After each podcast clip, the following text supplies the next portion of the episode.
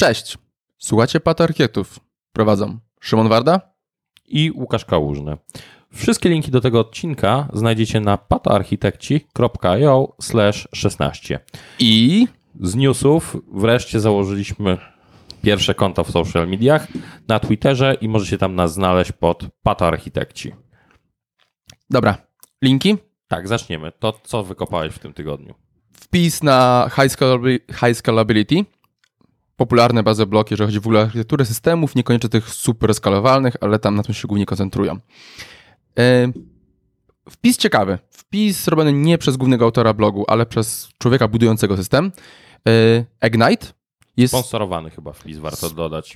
Na to by wynikało, tak. Bardzo mocno kierowany na biznes, przedstawienie produktu, ale wpis jest bardzo długi ale też przez fakt scrollowania i tam też treści takie jest.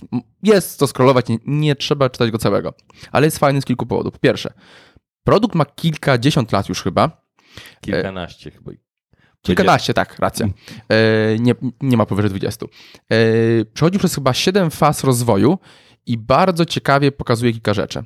Pokazuje po pierwsze to, jak zmieniała się ich architektura, jak drivery zewnętrzne w kontekście budowy chmury, wymiana plików, więc S3 bardzo, bardzo mocno im pomieszała, wpływała na budowę tego systemu yy, i generalnie ciekawe zestawienie w kontekście biznesu, w kontekście technologii, opłacalności, yy, jak zbudowali właśnie model rozliczeniowy i tak dalej, tak dalej. Naprawdę ciekawy wpis. Ostatni powód, czemu to wrzuciłem, to fakt, że zalecają używanie circuit breakera. Czemu to jest taki mały przytyk do Łukasza? W innych tak. poprzednich odcinkach można to sprawdzić, czemu. Tak, i patrząc się, to jest właśnie mają y, dobrze rozpisany stack technologiczny, który jest tam trochę rzeczy, ale nie jest jakoś skomplikowany. To jest, jest bardzo prosty, bym jest powiedział. Bardzo prosty przejrzysty, to jest jedno. Używają wielu chmur, co tak. ciekawe, jak zobaczymy, bo mają tam trzy podejścia, dwie mhm. chmury plus y, lokalne data center, kilka języków, widocznie w zależności od problemów i w takich pytaniach do tego, takich pytaniach na temat tego poruszają nawet y, podejście revenue modelu. Przychod tak. tak, zarobków, więc fajnie to wpasowuje architekturę w kontekst firmy i tego, co dostarczają usługi. I fajnie pokazują, co ich motywowało, gdzie do zmiany i czemu myślą nad innymi architekturami. Naprawdę dojrzały wpis. Tak, jest fajny. Ja ze swojej strony wykopałem wykopalisko i archeologię. Tak, to się zgodza. 94 rok i tam znajduje się handbook o nazwie Unix Haters Handbook, czyli jak technicznie i nie tylko można hejtować Unixa. Dość ciekawa filozofia, bo w tamtym okresie czasu Unix rządził. Jeżeli sobie popatrzymy na całym tak na rynku y, przedsiębiorstw, przemysłu i innych rzeczy, to był Unix, Unix i, I akademickim. I akademickim wyrastał. Y, jest bardzo ciekawe e, zdanie, które mówi, że w, z Berkeley mamy dwa takie słynne y, produkty. Jest to LSD i Unix. I autorzy wskazują, że to nie był chyba przypadek. Sam handbook pokazuje dość ciekawie z tamtego okresu różnice technologiczne, ale one o dziwo mogą się ciągnąć do dzisiaj, jeżeli popatrzymy w szczegóły. Tak, i to nawiążę moim wpisem. Jest fenomenalna seria wpisów, trzy, trzy albo cztery obecnie, e, z bloga IT Hair. To jest ten blog, który ma z boku rysowane króliczki, takie czarno-białe. I on ma bardzo fajny wpis w kontekście tego, co obecnie systemy operacyjne powinny zmienić, co by, gdyby budowany był nowy system operacyjny, to co powinno zostać zmienione, jakie powinno być podejście. Bardzo fajny wpis, który jako patrzy na to, że stał się takim czymś, co po prostu myślimy tej obecnie, nawet, albo nawet nie myślimy w kontekście, znaczy, kontekście tak, kontenerów. w ogóle systemy operacyjne są i pewne standardy są naprawdę stare.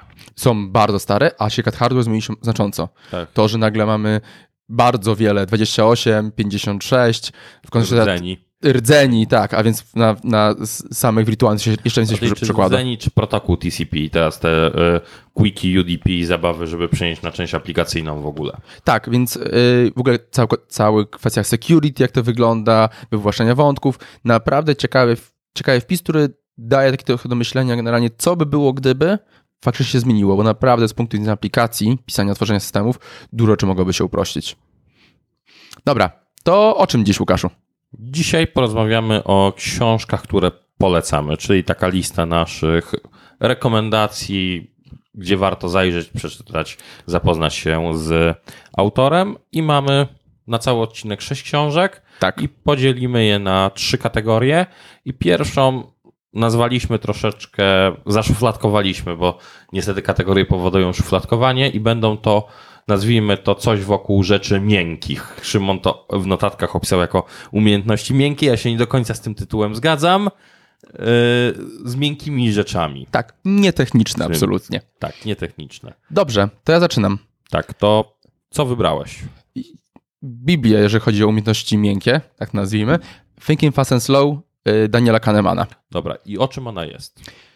Książka o behawioryzmie, no, zaczęło się do ekonomii behawioralnej. Teraz, żeby wyjaśnić, czym jest ekonomia behawioralna. Prosty eksperyment, który właśnie Kahneman stosuje. Wchodzisz do pokoju, wyobraź sobie, i rozmówca mówi ci tak, takie zdanie. Przed tobą osoba, która była, miała zadanie podzielić 20 dolarów na części. Totalna dowolność. Dla siebie wzięła 18, to by zostawiła 2. Teraz, jeżeli ty się zgodzisz na ten podział, to każdy dostaje te przydzielone pieniądze. Jeżeli się nie zgodzisz, to nikt z was nie dostaje pieniędzy. Teraz, z punktu widzenia ekonomii, to jest mieć albo nie mieć 2 dolary dla ciebie. Ale co się okazuje? Okazuje się, że te 3 dolary na czasie są taką magiczną granicą, gdzie znacząca większość ludzi mówi nie, odrzuca. Zabawne jest tym, że tego podziału nigdy nie było, tak naprawdę nie było sobie wcześniej, jest to totalnie wymyślona liczba, więc to pokazuje jeszcze więcej. Ale w dziedzinie ekonomii to właśnie była taka zagwozdka. No jak to? Kiedyś powinniśmy być idealnie racjonalnymi osobami, które widzą trzy, mieć, mieć albo nie mieć 3 dolary, a Kahneman właśnie wchodzi, czemu tak się dzieje. Czemu ludzie zachowują się nieracjonalnie i rozbudowuje centrum, jeżeli chodzi właśnie o ten typ myślenia i cały nurt książek. Bardzo dobra książka i polecam. Dobra, to jeszcze powiedz, dlaczego ją tutaj wstawiłeś. Jasne. Y, Pierwszy to jest to, że z innej książki y, przesłuchałem, że kończy ją średnio 3% osób. I ja na pierwszym przesłuchaniu poległem, przyznaję się. Czemu ją wstawiłem? Mm, Słuchając y, Freakonomics Radio, też podcast, który się kręci wokół mm, ekonomii behawioralnej w ogóle ekonomii, masę książek właśnie porusza, powołuje się i no to jest to słońce, jeżeli mówimy o ekonomii behawioralnej, wszystkie inne tematy się wokół niego kręcą. E, Więc stwierdziłem, że okej, przejdę. Książka czyta się ciężko. Dla mnie wartością z niej było, jak już zacząłem, wgryzłem się w nią, to było to, że rozumienie, jak ja sam działam i rozumienie, jak inni ludzie działają i jak bardzo nieracjonalnie się zachowuję. I jak bardzo nieracjonalnie się zachowują wszyscy wobec mnie i jak nauczyć się z tym żyć. Po prostu. E, I to jest też książka, którą ja sobie zaszu- zaszufladkowałem do ponownego przeczytania, bo jedna z tych, które kilka razy przydałoby się przeczytać, żeby ją zrozumieć dobrze. Dobra, polecam. Niełatwe. Co u ciebie, Łukaszu? Bo też nawiązujesz. Dobra, to w moim przypadku będzie to e, Factfulness. E, Tam cały tytuł jest dłuższy, bo jest Dlaczego świat jest lepszy niż myślimy, czyli jak stereotypy zastąpić realną wiedzą od e, Hansa Roslinga. O czym jest? I o czym? Pokazuje to po pierwsze, właśnie pokazuje, dlaczego świat jest lepszy na podstawie różnych statystyk, przykładów. Pokazuje, jak bardzo pesymistycznie myślimy. I autor pokazuje nam na przykładzie wykresów i innych rzeczy, jak ten świat się zmienia. Y, Dla mnie takim przykładem już na pierwszych stronach, które rozwala y, głowę, było to, ile dzieci jest na świecie zaszczepionych. I tutaj już spoilując, y, 80% dzieci na całym świecie jest zaszczepione, co ja To jest dużo. tak, myślałem w liczbach w granicach jako pozytywnie, że będzie gdzieś 50% może. To była moja, Też tak strzelałem. to moja pierwsza myśl. Druga pokazuje, y, że w kontekście na przykład y, opieki medycznej, y, tam był przykład na dzieciach, y, umieralność dzieci do wieku 5 lat oraz jeszcze nałożone na to dzietność. Jaka jest dzietność, ile na jedną kobietę, ile jedna kobieta rodzi dzieci jak, jak te kranie w ciągu ostatnich 50 lat że nie mamy definicji już krajów rozwijających się praktycznie na takim wykresie, że to się faktycznie, faktycznie się polepsza, plus tłumaczy troszkę e, factfulness. Jasne. Dlaczego wybrałeś? Właśnie i e, factfulness, który jest w tytule, jest to jedną z rzeczy, którą nazywamy krytycznym myśleniem. Tu mnie Szymon pierwszy za ten zwrot e, chciał tutaj Challenge'ować. challenge'ować na początku, jak przygotowywaliśmy właśnie odcinek. I Factfulness to jest podejście do pragmatycznego myślenia, pozbywając się całego, ładnie określając, y, biasu, biasu, y, patrząc się na to realnie, co pokazując i wybierając realne rzeczy, żeby się do tego odnieść bez pesymizmu innych rzeczy. I podobnie właśnie jak e, Think Fast and Slow, to jest książka na temat krytycznego myślenia, czyli takiego pragmatycznego, realnego podejścia do tego, nie narzucając na to takich zewnętrznych czynników, do których jesteśmy przyzwyczajeni. I tutaj polecam, żeby sobie takie coś uświadomić, jak bardzo wbrew pozorom nawet optymi optymiści zakładają pesymistyczne podejście. Tak, jest e, fajnie pokazane na, na podstawie tego, że przestępczość maleje jako taka, ale postrzeganie jest takie, że rośnie. Dobrze, to lecimy dalej. Mianowicie mamy kolejną kategorię, czyli miłe do czytania. Tak, no i właśnie Szymonie, w tych y, miłe do czytania to będzie pochłonięte jednego dnia w dwa dni.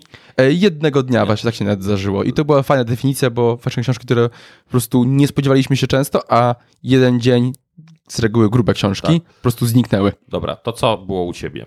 E, u mnie będzie coś, e, będzie mianowicie Educated ter, ter, Terra Westwood i o czym jest to ta książka generalnie? No właśnie, o czym.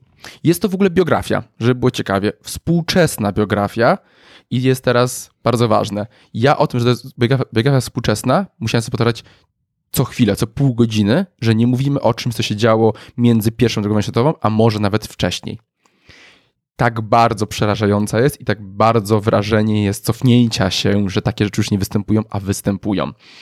Y, to jest historia dziewczyny, która od złomiarza, praktycznie cała, cała rodzina zbierała złom, robiła jakieś dziwne konstrukcje i tak dalej. Obecnie ma tytuł PhD amerykański, czyli jest tytuł doktora. I cała jej droga, jak do tego przeszła, jak się zmieniło jej życie i zmieniło się, zmieniło się życie jej rodziny. Okay. Niesamowite. To dlaczego to wybrałeś?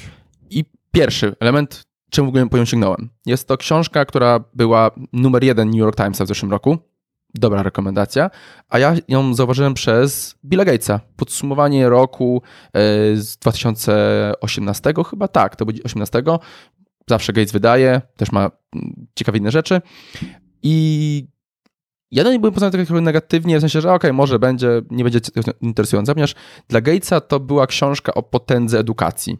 Dla mnie ta książka, okej, okay, zgodzę się, tam edukacja grała ważną rolę, dla mnie to jest książka o potędze, jak, jaką my jako rodzice wywieramy na dzieci, jak silne są te często nawet drobne zachowania, to co w tych małych głowach zostanie, nawet Tera to pisała jak miała 30-40 lat. Z takimi rzeczami się zmagała i dla mnie to było niesamowite wrażenie po prostu jaki potęgę mamy na te małe istoty.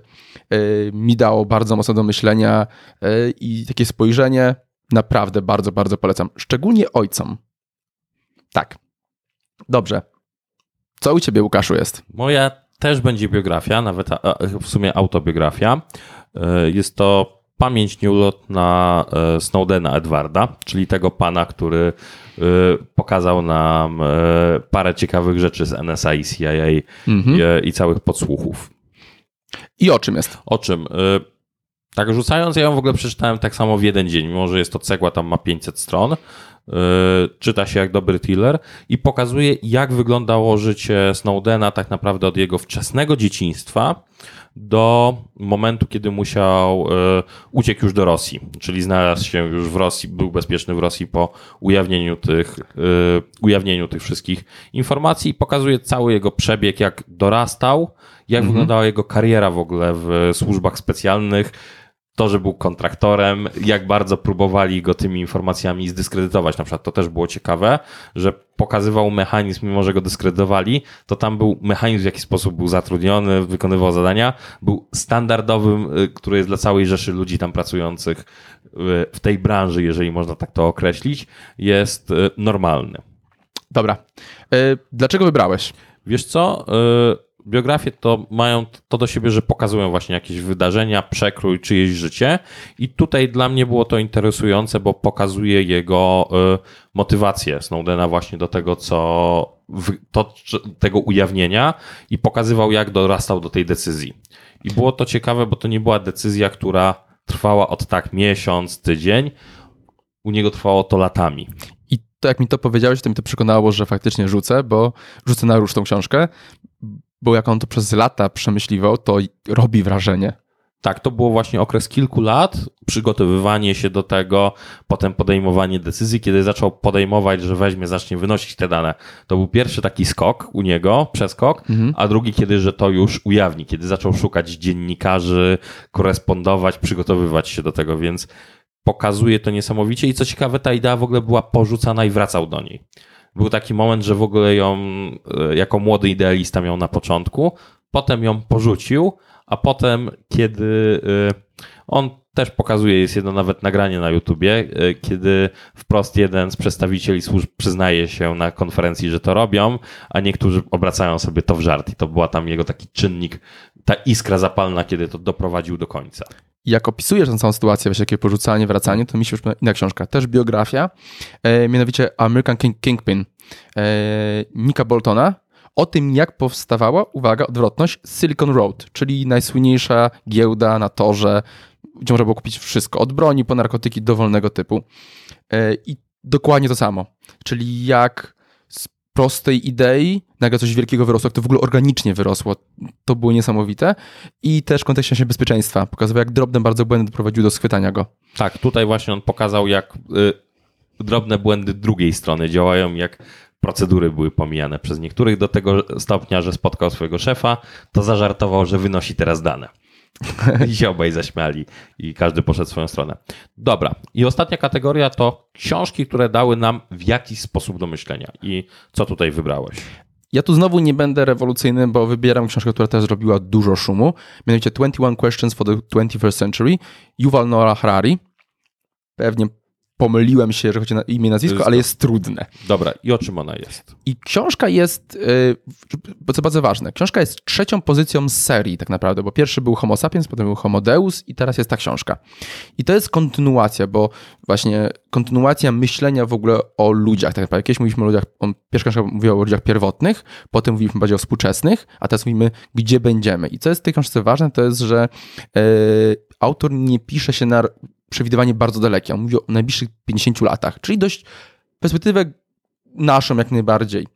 E, I o czym? To jest książka, która właśnie zadaje te 27 pytań z obszaru kilku rzeczy. W ogóle budowania historii, co u Nawala jest bardzo ważne, sztucznej inteligencji, automatyzacji, AI oczywiście, szczęścia wewnętrznego, co jest w ogóle ciekawym tematem w kontekście social media, w ogóle social media jako, jako takiego, psychologii, sztucznej inteligencji, religii, to jest dla niego też bardzo ważny temat, imigracji, terroryzm, terroryzm wojna, edukacja i social media jako, jako takie. Czyli porusza ileś tam, tak tytułowo porusza ileś tam obszarów i tak. pytań. I co jest ważne, że on pytania zadaje, na nie odpowiada, ale pytanie jest tak, że ona zmusza do myślenia tak naprawdę.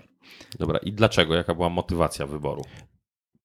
Bill Gates, znowu, była w podsumowaniu w 2018 roku, po, to była moja pierwsza książka, której sięgnąłem i jak po przeczytaniu jest stwierdziłem, ok, to lecę przez wszystkie, bo jeżeli trzymają, chociaż są bliskie tego poziomu, to będzie się działo. I nie, książka była fenomenalna. Yy, dla mnie też w ogóle przebiło jakiekolwiek oczekiwania, jakie miałem. Później sceptycznie, bo w zasadzie, ok, znam się, na tym temacie. Zgadzam się, jak czytałem wywiadach z autorem, nic nowego się nie nauczę, bo będziemy tylko patakiwali sobie głowami, mówili, okej, okej, jaki jestem mądry. Y, momentalnie przebił tą granicę, gdzie większość artykułów mówi o temacie i poszedł dużo dalej z wnioskami i dużo ciekawsze miał te wnioski. Y, czemu wybrałem jeszcze dla mnie i dla mnie zmieniło się w tym momencie podejście moje osobiste w kontekście tych właśnie 50, 50 lat. W kontekście wiedzy, rozwoju i też kariery w ogóle osobistej. Pokazało, jak ważne będzie budowanie, e, budowanie kariery, jak ważne będzie budowanie swojej wiedzy i jak to będą potężne narzędzia. No i też tak mniej ciekawych, no to jak będzie się działo w naszym regionie, patrząc na sytuację polityczną i geograficzną. Geopolityczną, jak to się ładnie określa. Tak, I tu to może być niestety dla mnie niewesołe, takie wnioski, takie wnioski były, ale też Nowal e, daje, że niby, żeby się nie martwić w wielu okresach, bo pokazuje, jak inaczej obecnie wyglądają konflikty. One mogą być często niewidoczne w ogóle. No ja od tego autora właśnie mam dwie książki, które leżą i czekają właśnie 21 pytań i Homo sapiens. O, widzę teraz, że jeszcze Homo Deus muszę domówić. Tak, ja powinienem ten błąd i czytałem od, odwrotnej kolejności i zdecydowanie tego nie polecam robić, bo jednak to jest takie wrażenie, by się cofanie autora w myśli, w rozwoju, więc ta kolejność dobra, właśnie Sapiens Deus i 27 pytań, zdecydowanie. Co u ciebie? Dobra, u mnie będzie Company of One e, Paula Jarvisa. Mhm. I o czym jest? I o czym? Y, autor to jest gościu, który projektował strony internetowe, doradzał w marketingu, dbał, wspierał wizerunek y, dużych firm. Możemy tam wrzucić takich firm czterech, to będzie Yahoo, Microsoft, Mercedes-Benz i y, Warner Music. I w pewnym momencie rzucił to w diabły. Chyba Bar... myśl, która przychodzi przy... większość nam tak, przez głowę. Tak, rzucił to w diabły i stwierdził, że zbuduje coś zupełnie odmiennego, czyli małego. Tutaj w założeniu było bardzo małą, świadomie firmę. E, I książka pokazuje, mm, że motywacja, kiedy na przykład nie chcemy rosnąć, nie mamy ambicji, żeby być, mieć super dużą firmę, pracować w super dużej firmie, są dobre, że taka motywacja nie jest zła i ten świat nie musi być, zadawać sobie takiego pytania na dzień dobry z pomysłami, jak on się skaluje. Do kilku milionów do... użytkowników albo miliardów użytkowników. Tak, jeżeli popatrzymy gdzieś tam na biznes internetowy czy inne, jak szybko nie będę musiał pracować. On tutaj pokazuje właśnie tą stronę, że możemy coś robić pomyśleć o stabilności i wypracowaniu pewnego poziomu, powyżej którego nie chcemy iść. Jakie są do tego podejścia? Przykłady pokazuję, są może infantylne, są powtarzające się.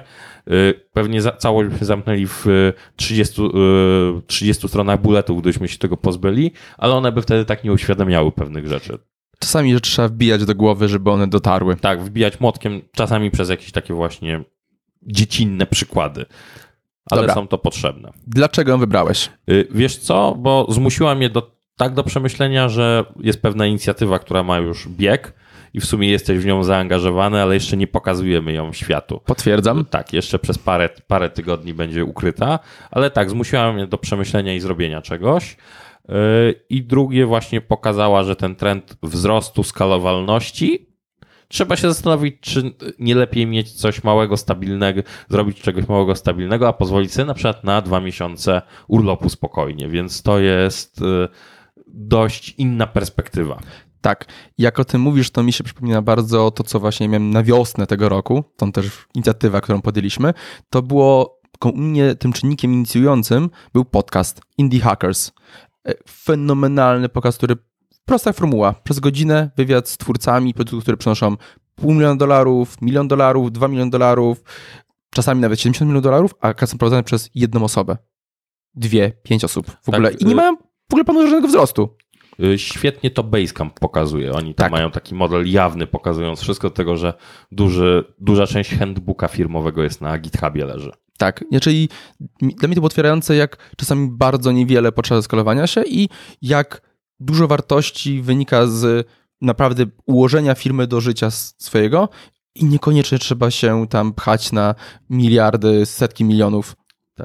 Dwa miliony wystarczą, naprawdę będzie się dobrze żyło. Basecamp tam zdrowo też y, przez ten model pcha, wzrósł do takiego zdrowego modelu. Tak, można jak najbardziej, ale kwestia właśnie jak zbudować firmę i jak pomyśleć o rozwoju. Oni bardziej o produktach, ale też nie tylko. Tak, a tutaj właśnie było, Company of One było właśnie na o takich kluczowych rzeczach przy organizacji tak. tego i co jest istotne. Dla mnie przykładem, który mnie dotknął, to był człowiek ma listę mailową, nic więcej, na które zarabia pół miliona dolarów rocznie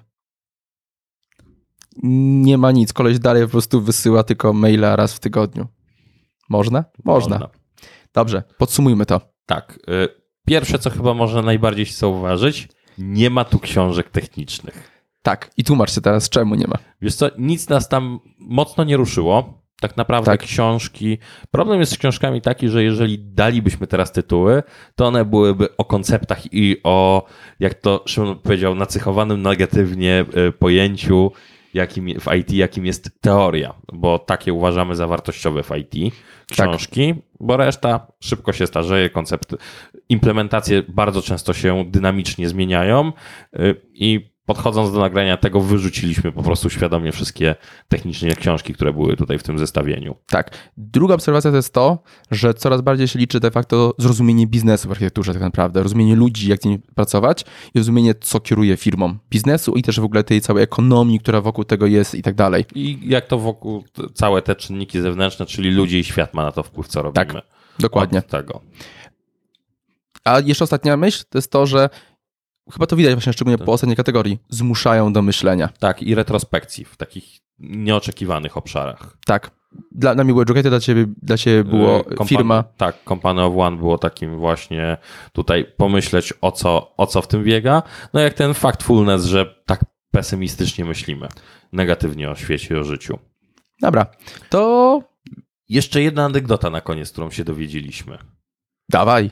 Właśnie, jest to dość ciekawa różnica w ogóle Racja. między nami. Y, Różnice, jak my konsumujemy te książki. I Szymon, jak ty je konsumujesz? Wersja audio, bo tak zapamiętuję. y, Techniczne na komputerze, ekranie komputera, papieru nie dotykam. No właśnie, ja jestem zupełnym przeciwieństwem Szymona. Y, I ja czytam głównie prawdziwy papier, czyli to, co mówiłem, że muszę zamówić Nie. czy coś. To tak leży teraz taki stosik 14 książek na, czy 15 na biurku, z którego biorę jedną do plecaka i tam idzie do, y, do czytania. Jak już czytam techniczne, to jeżeli to nie są teoretyczne, jeżeli to są właśnie nie są koncepcyjne teoretyczne, to trafiają głównie na Kindle. Czasami otwieram PDF, jak chcę coś realnie sprawdzić, ale to jest już taka naprawdę taki fallback, taki prawdziwy, ostateczna rzecz. Nie, nie, nie, nie. nie. Audiobooków w ogóle nie trawię. Uwielbiam, tak dużo lepiej zapamiętuję. Dobra. Dobrze, to tak, y, to było wtrącenie w kontekście tego, że jakbyście myśleli o prezentach, to nie tylko wersje papierowe się liczą. Tak. Większość tych książek w ogóle jest i na audiotece, i jest na y, Audible, Au- Audible tak. i inne kanały można też. Znaleźć. Polecamy. Dla siebie też. I do kolejnego odcinka. Na razie. Na razie.